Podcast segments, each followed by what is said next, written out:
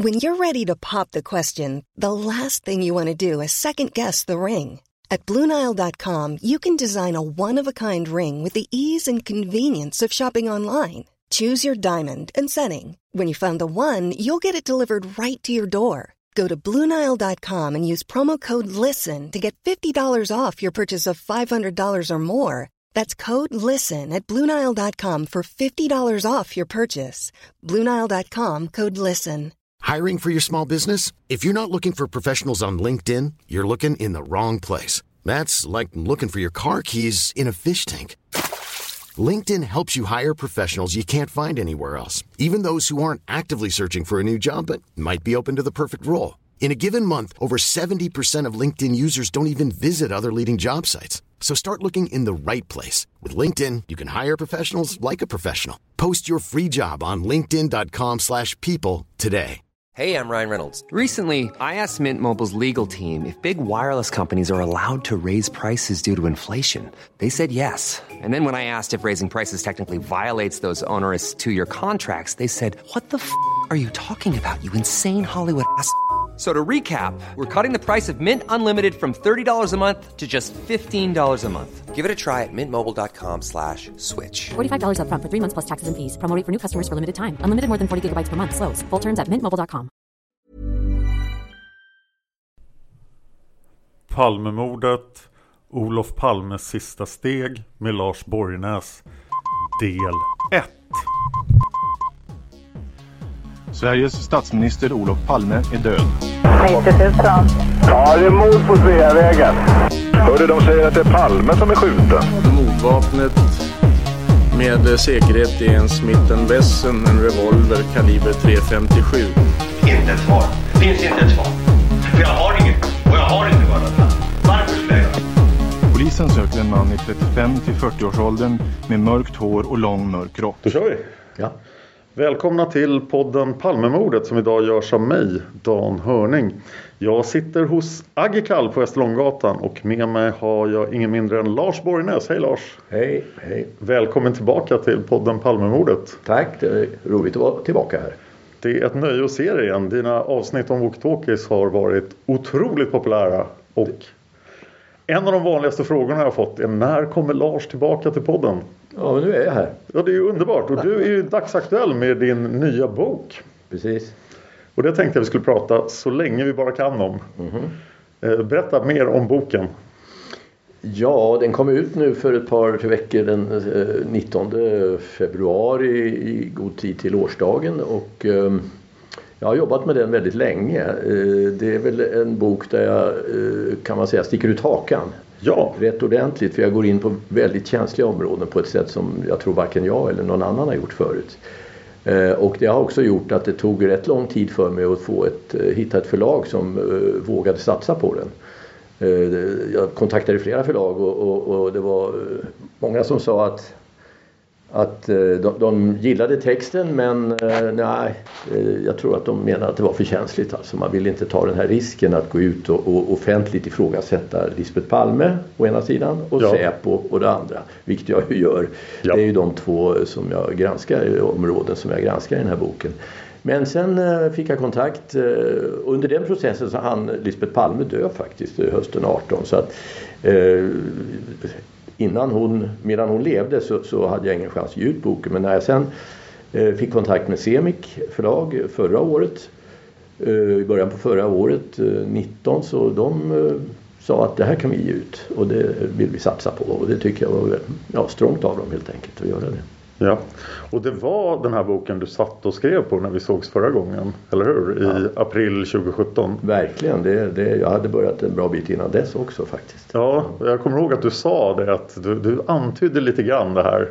Men du vill inte säga mer just då. Nej, det har ju hela tiden varit känsligt att eh, prata för mycket om, om de här ämnena. Eh, därför att det, det är som sagt eh, ett minfält, eller snarare två minfält jag går in på och då ska man vara lite försiktig. Eh, nu har boken kommit ut och allting finns där och då behöver jag inte vara så försiktig längre utan då kan jag prata fritt omkring det. Ja. Ja, ska vi angripa bokens ämnen i tur och ordning? Och jag vill minnas från förra gången vi pratade att det är bara att lämna över ordet till dig så, så sköter du det ganska självgående. Oj, det var en, en svår uppgift. Men, um, jag ska försöka leda dig, men du är mycket mer erfaren medieperson än vad jag är. Okej. Okay. Ja, man kan väl säga att avsnittet om Lisbeth Palme bygger på att jag sedan många, många år, ända sedan 90-talet, har funderat över vad hennes berättelse egentligen betydde och hur, hur riktig den var. Och jag ifrågasatte den redan i början på 90-talet eh, offentligt också i tv-program och, och i, i, studiedebatter. Ja. Och eh, det är ju då 30 år sedan i stort sett och eh, det där har sen legat och, och pyrt inom mig därför att jag, jag fullföljde aldrig den där eh, granskningen och kritiken. Och, och, och sen har jag bestämt mig för att jag måste titta närmare på hennes vittnesmål och se vad konsekvenserna är av, av det här jag säger att hon inte har berättat hela sanningen. Så det är den infallsvinkeln jag har haft när det gäller henne att se om, om hennes eh, utsaga är korrekt helt enkelt. Och då har jag funnit ett antal saker som är, tycker jag, väldigt spännande och som i min, som jag ser det, leder i bevis att hon inte har berättat vad som hände på mordplatsen helt enkelt.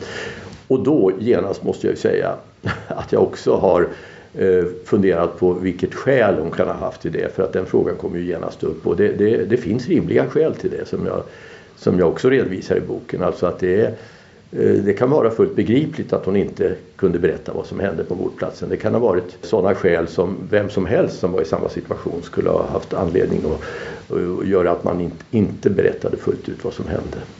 Så jag, det är inget fördömande i den här boken eh, av henne utan det är, man måste ha en förståelse för att hon kan ha varit i en, en sån situation att hon stod egentligen inför ett omöjligt val.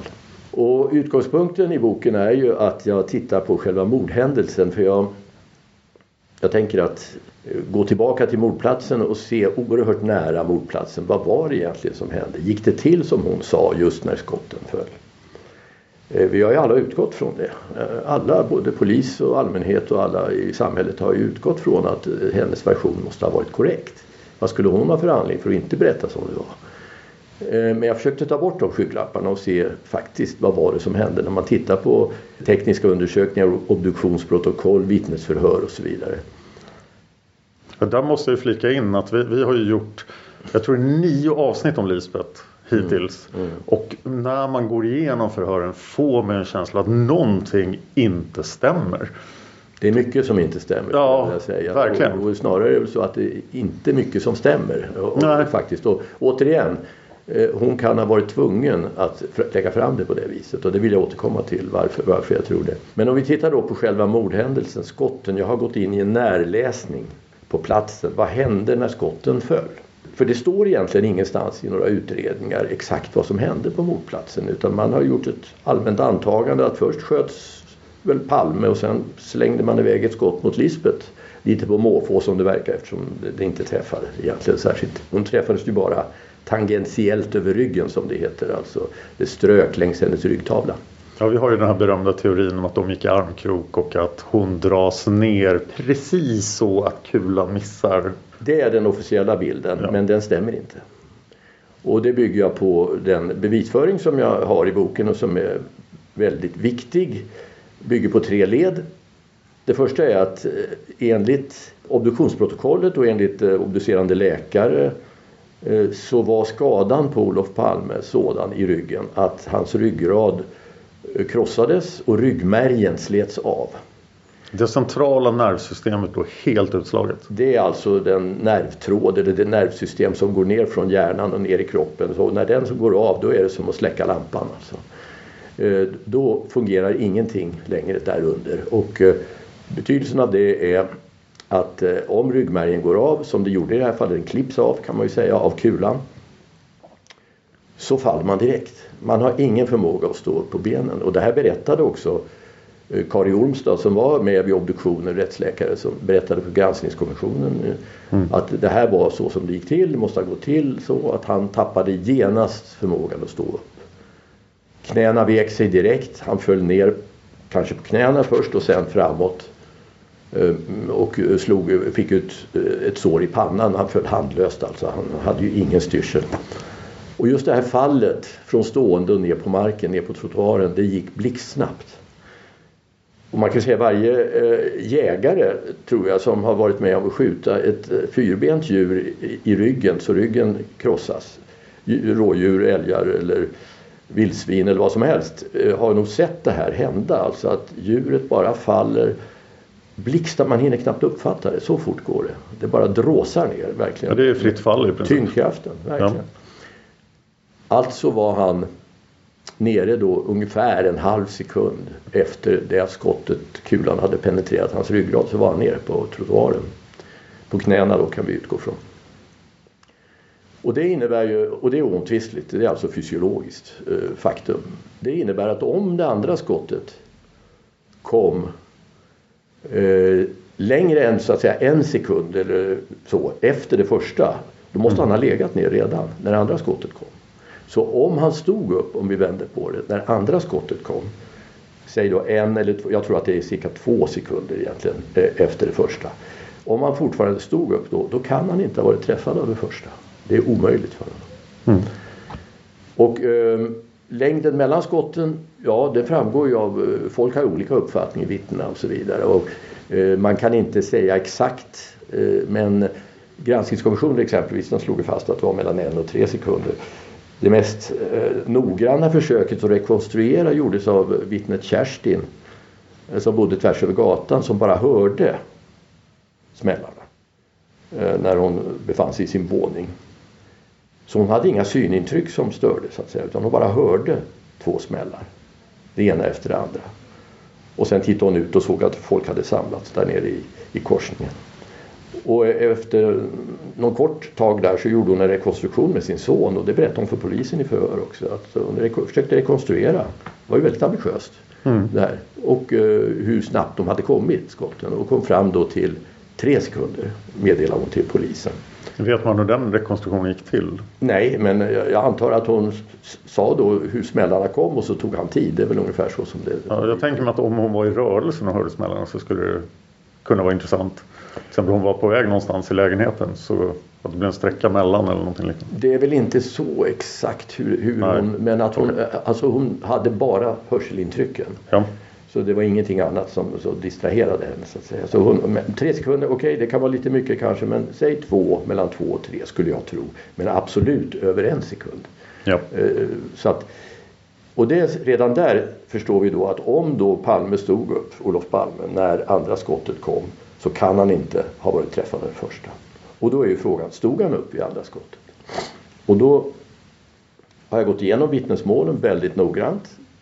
Av alla vittnena så var det bara ett fåtal som sa sig ha sett när andra skottet avlossades mot Palme. Eh, och eh, det är fem vittnen kan man väl säga i huvudsak och alla säger att han stod upp då. Vilka fem? Vilka fem? Nu ska vi se här, då tar vi fram boken. Men en är ju, ska jag säga förnamn eller efternamn bara? Säg förnamnen. Jan-Åke ja. är ju det vittne som Jan-Åke är det vittne som satt i en bil. Ni är säkert bekanta med det. Ja. Publiken är, är, är, bekanta med det här. Han satt i sin bil ja, 35 meter från mordplatsen. Han var i riktning eh, norrut. Han hörde en smäll.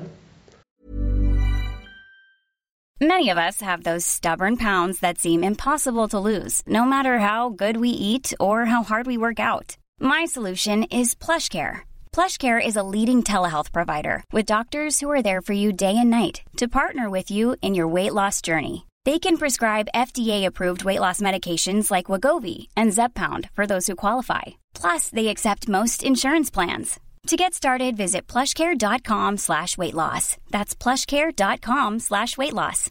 How would you like to look five years younger? In a clinical study, people that had volume added with Juvederm Voluma XC in the cheeks perceived themselves as looking five years younger at six months after treatment. Look younger, feel like you. Add volume for lift and contour in the cheeks with Juvederm Voluma XC. Reverse signs of aging by adding volume to smooth laugh lines with Juvederm Volure XC. For important safety information and to find a licensed specialist, visit juvederm.com. That's J U V E D E R M.com. Not for people with severe allergic reactions, allergies to lidocaine, or the proteins used in Juvederm. Common side effects include injection site redness, swelling, pain, tenderness, firmness, lumps, bumps, bruising, discoloration, or itching. There's a risk of unintentional injection into a blood vessel, which can cause vision abnormalities, blindness, stroke, temporary scabs, or scarring. Talk to a licensed specialist to find out if it's right for you.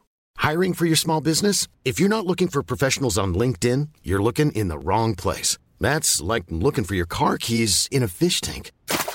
LinkedIn helps you hire professionals you can't find anywhere else, even those who aren't actively searching for a new job but might be open to the perfect role. In a given month, over 70% of LinkedIn users don't even visit other leading job sites. So start looking in the right place. With LinkedIn, you can hire professionals like a professional. Post your free job on linkedin.com slash people today. Tittade mot mordplatsen och då säger han till polisen, han såg tre personer stå på trottoaren i korsningen Sveavägen-Tunnelgatan. Samtidigt går ett skott till av och mannen som står i mitten sjunker ihop.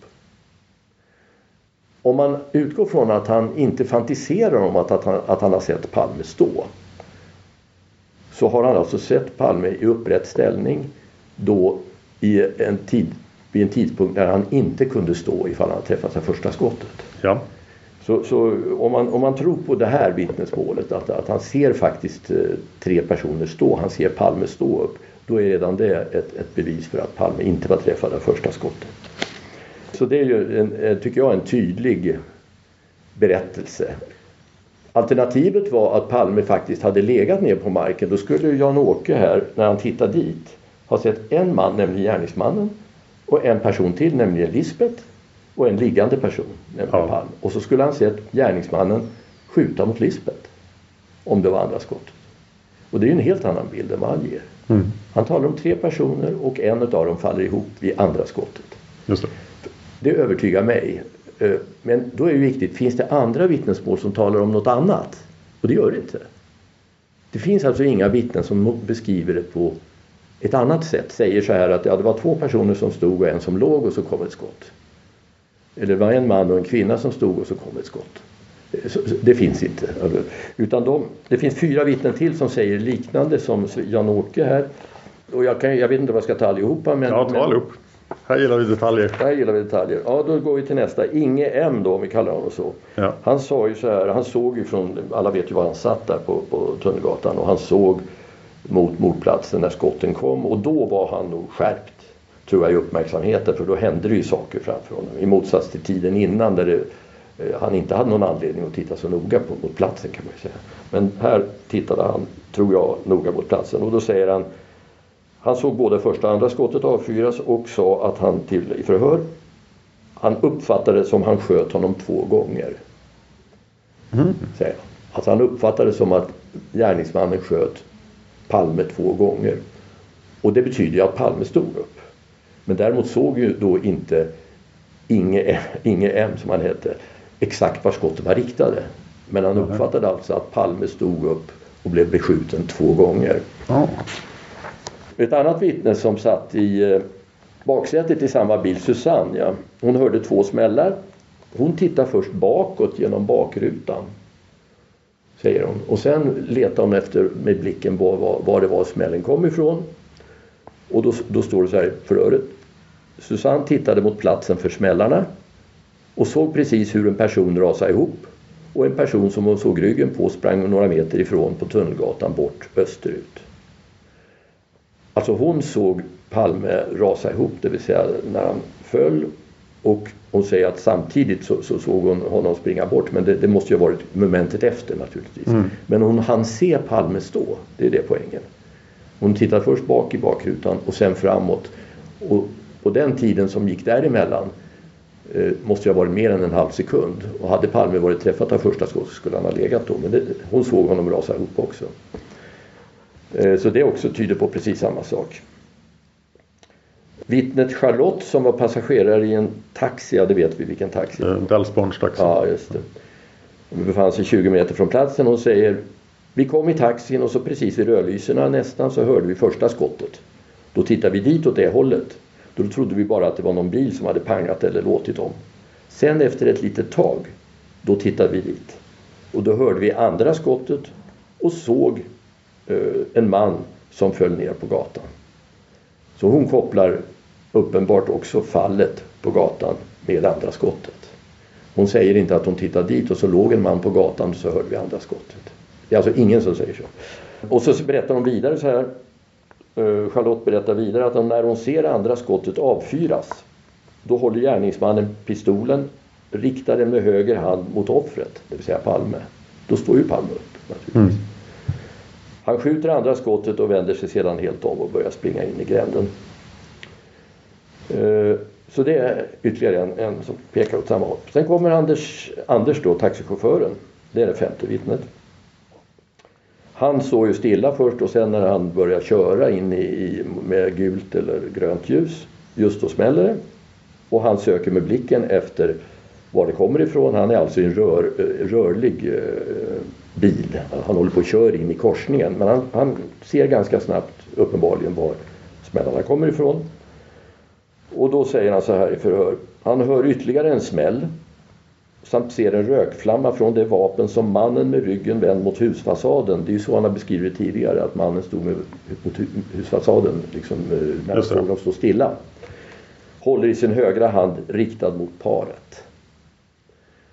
Inte alls att det är riktat mot kvinnan. Nej. Riktad mot en ensam kvinna utan riktad mot paret. Och båda står upp? Ja, det måste de göra om de är ett par. Ja. Annars skulle ju säga antagligen att den ena i paret ligger ner. Men, men det gör han inte. Men i hans fall så finns det ett annat förhör två veckor senare som jag redovisade för att där har han, ger han en annan version. Eh, där vänder han på händelsen. Och det, det låter så här då. Han hade just startat efter att ha stått stilla för rött ljus. Han hörde en kraftig smäll från andra sidan Sveavägen och vred direkt på huvudet och tittade i den riktningen. Han såg en man falla omkull. Inom en till två sekunder kom en ny smäll och han såg att det rörde sig om skottlossning med vapen. Så där har du den andra versionen i, i det andra förhöret. Mm. Och den, eh, den, den, beskrivningen av tågordningen det är han ju ensam om i det förhöret. De, det strider mot de andra eh, vittnenas eh, uppgifter. Och jag upprepar då att Anders D då, han, han befann sig ju då i en rörlig bil och var väl det av vittnena som hade svårast att tror jag observera i, i den situation han befann sig exakt vad som hände när han kör och samtidigt ska titta. Ja just det, för han måste ju koncentrera sig på vägen också. Ja det kan man ju tänka sig att Eh, att eh, om man styr bilen in i korsningen och sen smäller och han letar med blicken så är det relativt svårt. Det kommer ju också mötande trafik i den andra filen. Och John-Åke måste rimligtvis ha fått grönt ljus samtidigt också. Ja, nu ska vi se. Stod inte han i svängfil där? Fast han hade fått eller hur var det? Ja, det, det kommer jag inte ihåg. Han, skriver, han säger inget om att han just fick Nej. börja köra i alla fall. Utan han sitter i sin bil, Jan Åke. Så det här tycker jag på ett mycket övertygande sätt visar att eh, Palme stod upp, när vittnena tittade mot platsen så står Palme upp. Inget vittne säger att, att eh, det ligger en man på gatan när andra skottet kommer. Situationen då hade ju varit som jag sa förut att gärningsmannen riktar revolvern mot Lisbet som är den enda som står upp förutom honom. Palme ligger på gatan. Men så finns det ingen som beskriver det och hur man än letar bland vittnesmålen. Då är det viktigt att säga det här är alltså de ursprungliga vittnesmålen. Sen med tiden som ni säkert har pratat om här så, så ändras ju många eh, beskrivningar då fram till domstolsförhandlingarna och så vidare. Så att det, det, kan ju tänkas att minnet så att säga ändras under, med, med, tidens gång. Det är ju så att ögonvittnen är notoriskt opolitliga och blir mer opolitliga ju längre tiden går. Ju mer de påverkas av saker. Det är därför vi i den här podden har lagt väldigt lite fokus på att intervjua ögonvittnena nu. Mm. 34 år senare. Vi har ju misstrott vittnesmål som är tre år gamla. Och mm. vittnesmål som är 34 år gamla måste rimligtvis ha påverkats. Utan det stora värdet ligger ju i de tidiga vittnesmålen. Samtidigt som man måste beakta liksom lite grann hur, hur noga är det hela dokumenterat. Mm. Hur, noga är det, hur, hur väl vet vi vilka frågor som ställdes? Hur bra referat är de referat som ges av när det inte är bandupptagning till exempel. Men eh, de exempel jag har gett här det finns ju ingen anledning att tro att, att det här ger en falsk bild av, av vad de har sagt. Så att, för mig är det här väldigt övertygande. Palme stod upp vid andra skottet. Alltså kan han inte ha träffat det första skottet. Alltså slutsatsen första skottet träffade Lisbeth Palme vilket är naturligtvis en omvälvande slutsats att dra. Och man kan ju förstå hur teorin uppstått att det första skottet träffade Palme eftersom han då har antagits varit måltavlan. Men om alla de här personerna har haft någon slags kollektiv missuppfattning så blir det anmärkningsvärt. Hur kan, hur kan de ha sagt så här då? Nej men det betyder ju att de här vittnena kan inte ha, i så fall, då, då har de fantiserat att de ser Palme stå upp. Mm, och alla har en väldigt liknande fantasi. Ja, eh, eftersom de kopplar hans fall eller nu ska vi komma ihåg att fall, det är, det är viktigt hur han föll också Palme. Han, orden man använder är att han rasade ihop, han sjönk ihop, han mm. segnade ner. Det betyder att han inte föll framåt som en fura utan han verkligen sjönk ihop som ett uh, teleskop. Så att säga. Att han verkligen, knäna vecklade ihop sig, vecklade ihop sig och han föll som jag sa förut ner rakt ner. Det all muskelkontroll försvinner, eller Precis. Alla muskler slappnar av samtidigt. Precis och uh, det för mig tyder ju också på att han var stillastående. Alltså han var inte i rörelse framåt. Uh, för hade han varit i snabbt gående framåt så skulle han av rörelseenergin så att säga fallit framåt i, i, i det ögonblick när benen, han kanske skulle ha stapplat till framåt. Men det gjorde han inte enligt vittnena utan han sjönk rakt ner. Ja. Och det är en viktig sak vi kanske kommer till att, att um, Olof Palme menar jag sannolikt stod stilla när skottet mot honom kom och han var uppbromsad av gärningsmannen. Okay. Mm. Och för att fortsätta med det här, vad är konsekvensen av det här med att Lisbeth träffades av första skottet? Ja, det är två saker. Det första är motivet. Vad hade han, gärningsmannen, för motiv att skjuta först mot Lisbeth Palme?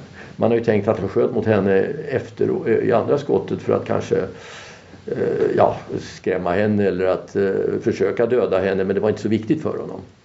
Men att han först riktar skottet, ett skott mot henne, vad betyder det? Jag har inget svar på det men det är ju en viktig fråga. Och det, eh, jag berättade ju det här för Ingemar Krusell då, den gamle spanings, biträdande spaningsledaren.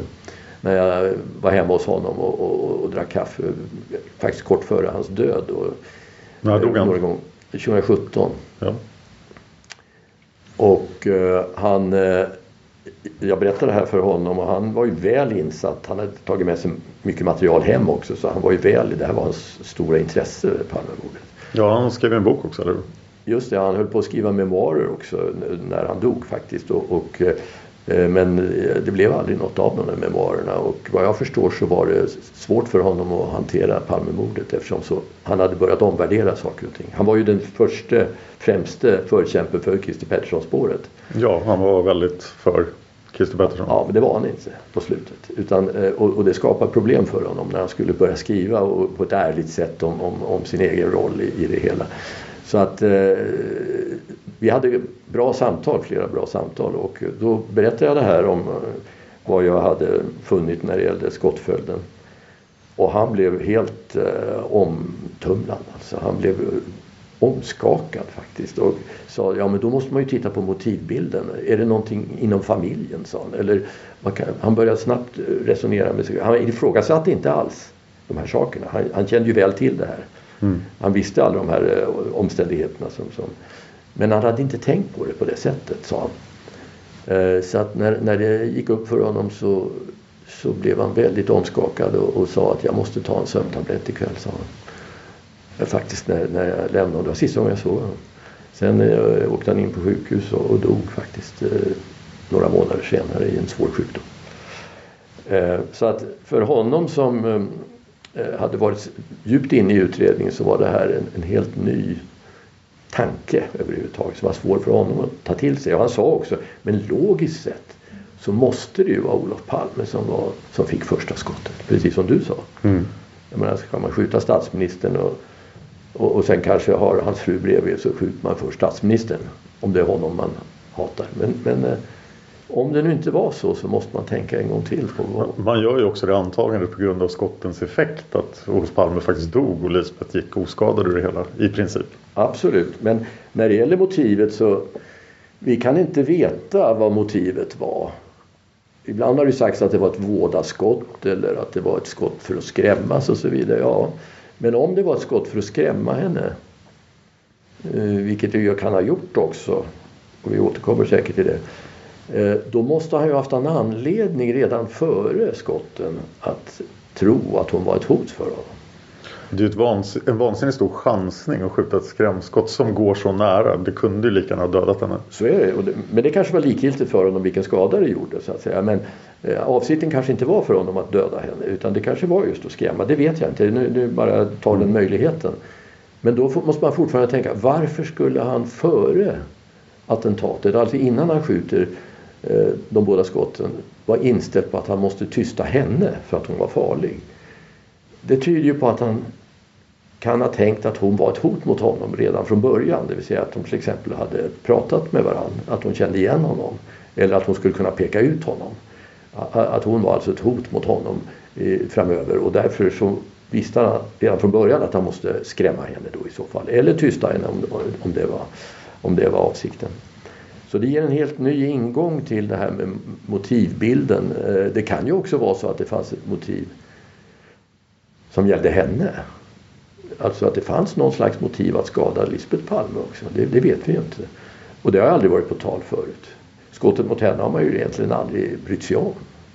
Och det spelar en oerhört liten roll i rättegången mot Christer Pettersson. Det togs ju aldrig upp i stort sett. Och det är ju inte heller dokumenterat vilka skador hon fick. Så det bevismaterialet fanns ju inte. Så det, det var, fanns det aldrig något åtal för mordförsök? Jo, det gjorde det. Men, ja. men, det blev eh, liksom ingen sak i, i, under domstolsförhandlingarna. Det var ingenting som uppmärksammades på något sätt. Det var ingen som resonerade om varför skulle han skjuta henne. Det har, aldrig, har man aldrig frågat sig egentligen. Men det menar Krusell, det, det, måste man ju fundera på då om första skottet gick mot henne. Då blir det, plötsligt måste man relatera till det på något sätt. Fundera kring det. Men, säger Krusell, och det håller jag ju med om, huvudobjektet borde ju rimligen ha varit Olof Palme eftersom det skottet sattes oerhört effektivt och direkt dödande, skickligt. Ja, och på ett mycket närmare avstånd. Just det, precis. Så det måste ha varit ett huvudmål, men man vet inte om Lisbeth också var ett huvudmål eller vad var syftet med skottet mot henne. Så det, det är en intressant eh, öppning i motivfrågan. Det är det ena.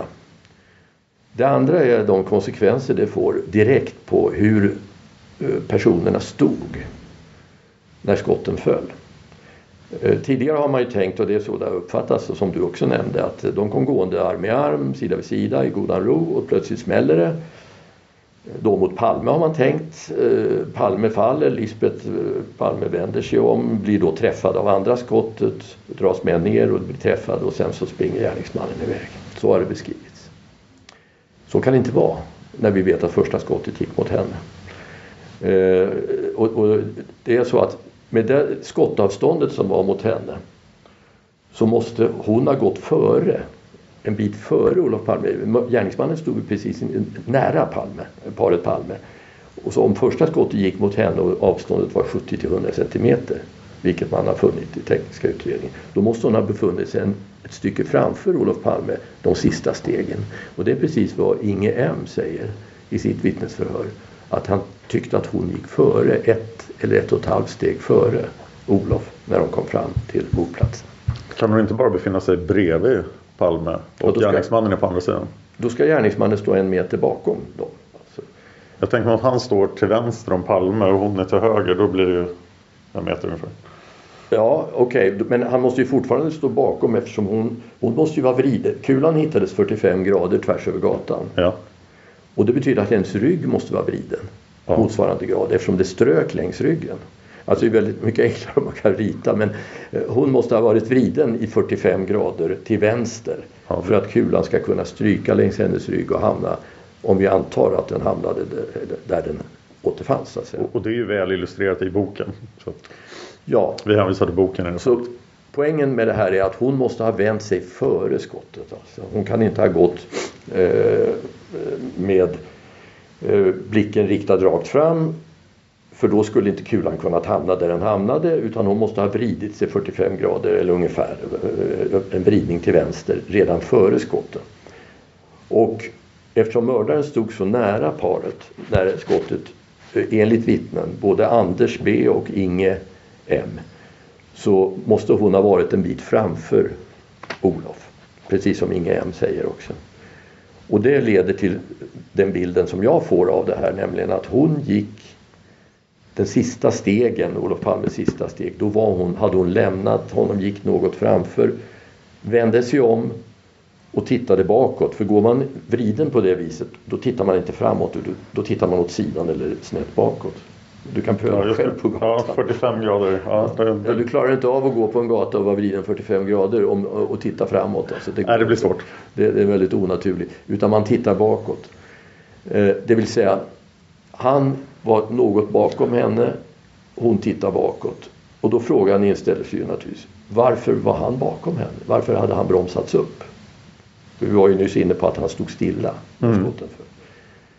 Varför hade han bromsats upp precis de sista momenten? Och det är ju eh, en fråga som jag tycker finner sin förklaring i eh, vittnesmålen från eh, framförallt Anders B, om vi kallar honom för det. Som ju säger att han gick ju som alla vet bakom paret och gärningsmannen i ett antal meter. Och så de verkade prata och ha det trevligt som ett sällskap som man säger. Han såg inte vilka det var. Han såg inte att det var paret Palme. Och plötsligt, och de gick nära varandra. Det, det, det, det är hans bild. De gick så nära varandra så att han utgick från att de pratade med varandra. Och plötsligt när de kommer fram till mordplatsen då så lägger eh, mannen till vänster handen på axeln på personen i mitten som Anders B då tror är en kvinna eftersom det är en omfamning så att säga, tycker han det är. Så, så han tror att det är en kvinna som går i mitten, alltså Olof Palme. Och så smäller det. Och då är min tanke att eh, det är ju en logisk förklaring till att Palme bromsade upp, att han får en hand på axeln, De går och pratar, möjligen då med, med gärningsmannen under en sträcka. Och så lägger gärningsmannen upp sin hand på Palmes axel i vad Anders uppfattade som en kärvänlig gest. Men det kanske inte Palme gjorde. Han kanske tyckte att det var en eh, det var att komma för nära helt enkelt. Så han, han bromsar upp och vänder sig mot gärningsmannen, alltså vänster. Och just den rörelsen ser också Inge M. Att Palme vänder sig också till vänster precis som, som Lisbeth gör. Ja. Eh, och då står Palme, bromsas alltså upp, Lisbeth hamnar framför. Tittar efter, vad händer nu? Är vriden i kroppen. Palme, eller gärningsmannen skjuter mot Lisbeth. Träffar henne längs ryggen Palme blir naturligtvis paralyserad av den här smällen. Gärningsmannen byter position med vapnet och lyfter upp vapnet ungefär 2-3 decimeter för att det första skottet mot Lisbeth avfyras ungefär från en höjd på, om man utgår från hålen i hennes kappa och antar att hon gick normal ställning så att säga så avfyras det första skottet i stort sett i midjehöjd från gärningsmannens sida. Det andra skottet däremot, då lyfter han upp vapnet ungefär 25 centimeter. Man ser på ingångshålet i, i Palmes eh, övre rygg. Och det är också riktat något neråt så han måste ha lyft upp vapnet rätt rejält upp. upp. Det är en väsentlig skillnad.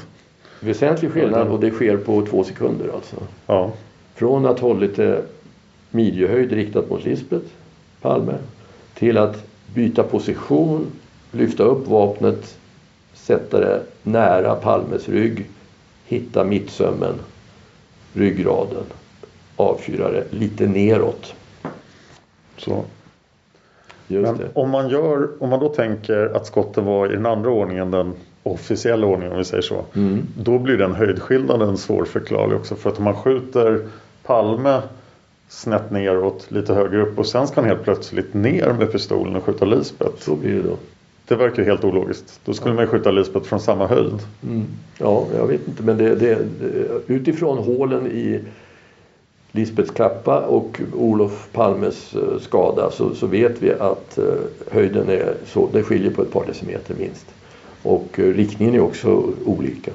Det här gjorde jag fel när jag hade för första gången fick prova och provskjuta en 357 Magnum. Jaha. Då gjorde jag inte den här höjdskillnaden för att den tänkte jag inte på då. Nu när jag tänker tillbaka på när jag sköt de här skotten så var det så här, varför ska man hålla på och flytta upp och ner handen? Mm. Men det blir mer logiskt med den omvända skottordningen.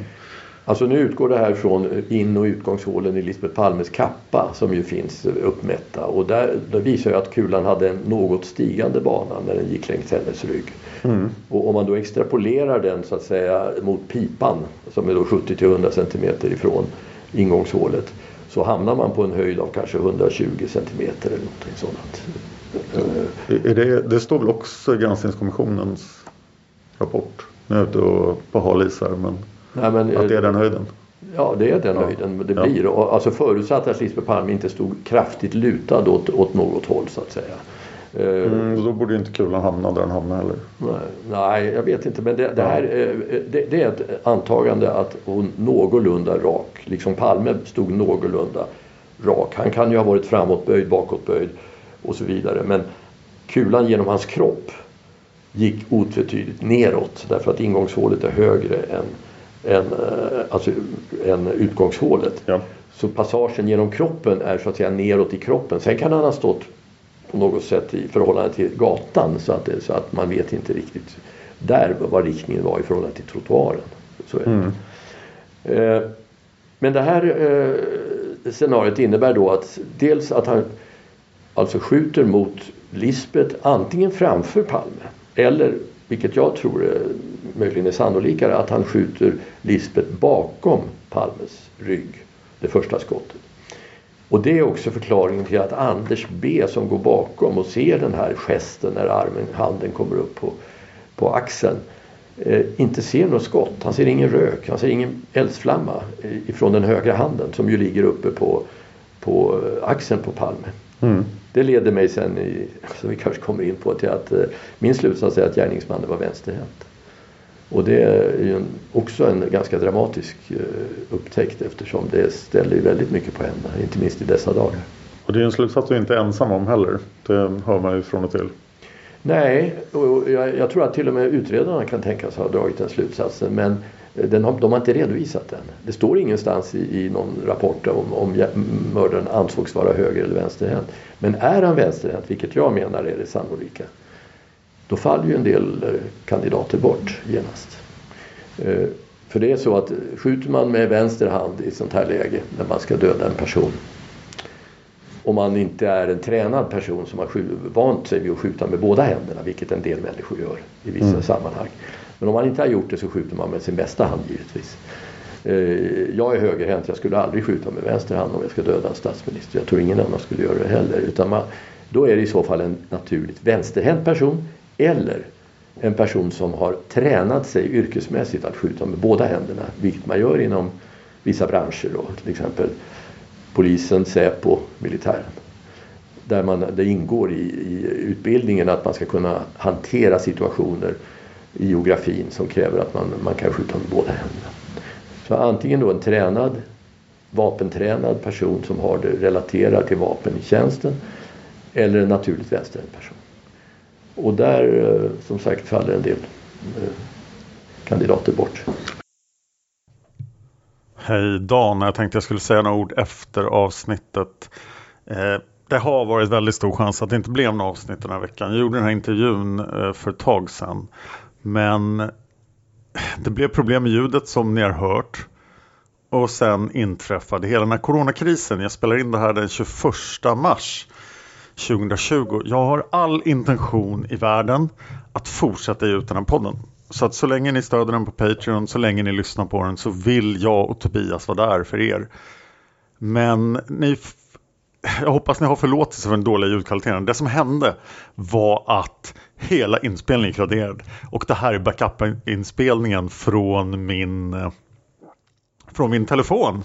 Så det är därför det låter så fruktansvärt illa. Jag ber verkligen om ursäkt för det. Men jag tänker att det Borgnäs sa har ni nog ändå intresse av att höra.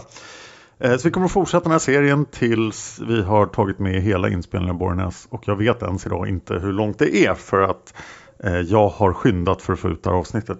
Jag hoppas ni alla är trygga i den otroligt konstiga situation vi befinner oss i. Och att vi snart kan gå tillbaka till att bekymra oss om vad Christer Petersson har att säga.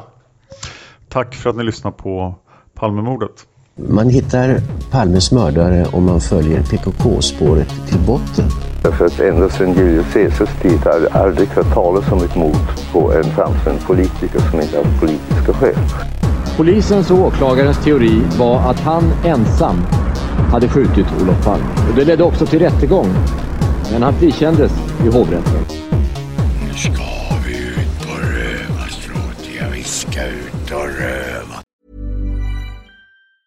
Hi, I'm Daniel, founder of Pretty Litter. Did you know cats tend to hide symptoms of sickness and pain? I learned this the hard way after losing my cat, Gingy. So I created Pretty Litter, a health monitoring litter that helps detect early signs of illness by changing colors, saving you money and potentially your cat's life. Pretty Litter is veterinarian developed, and it's the easiest way to keep tabs on your fur baby's health right at home. Go to prettylitter.com and use code ACAST for 20% off your first order and a free cat toy. Terms and conditions apply. See site for details. Planning for your next trip?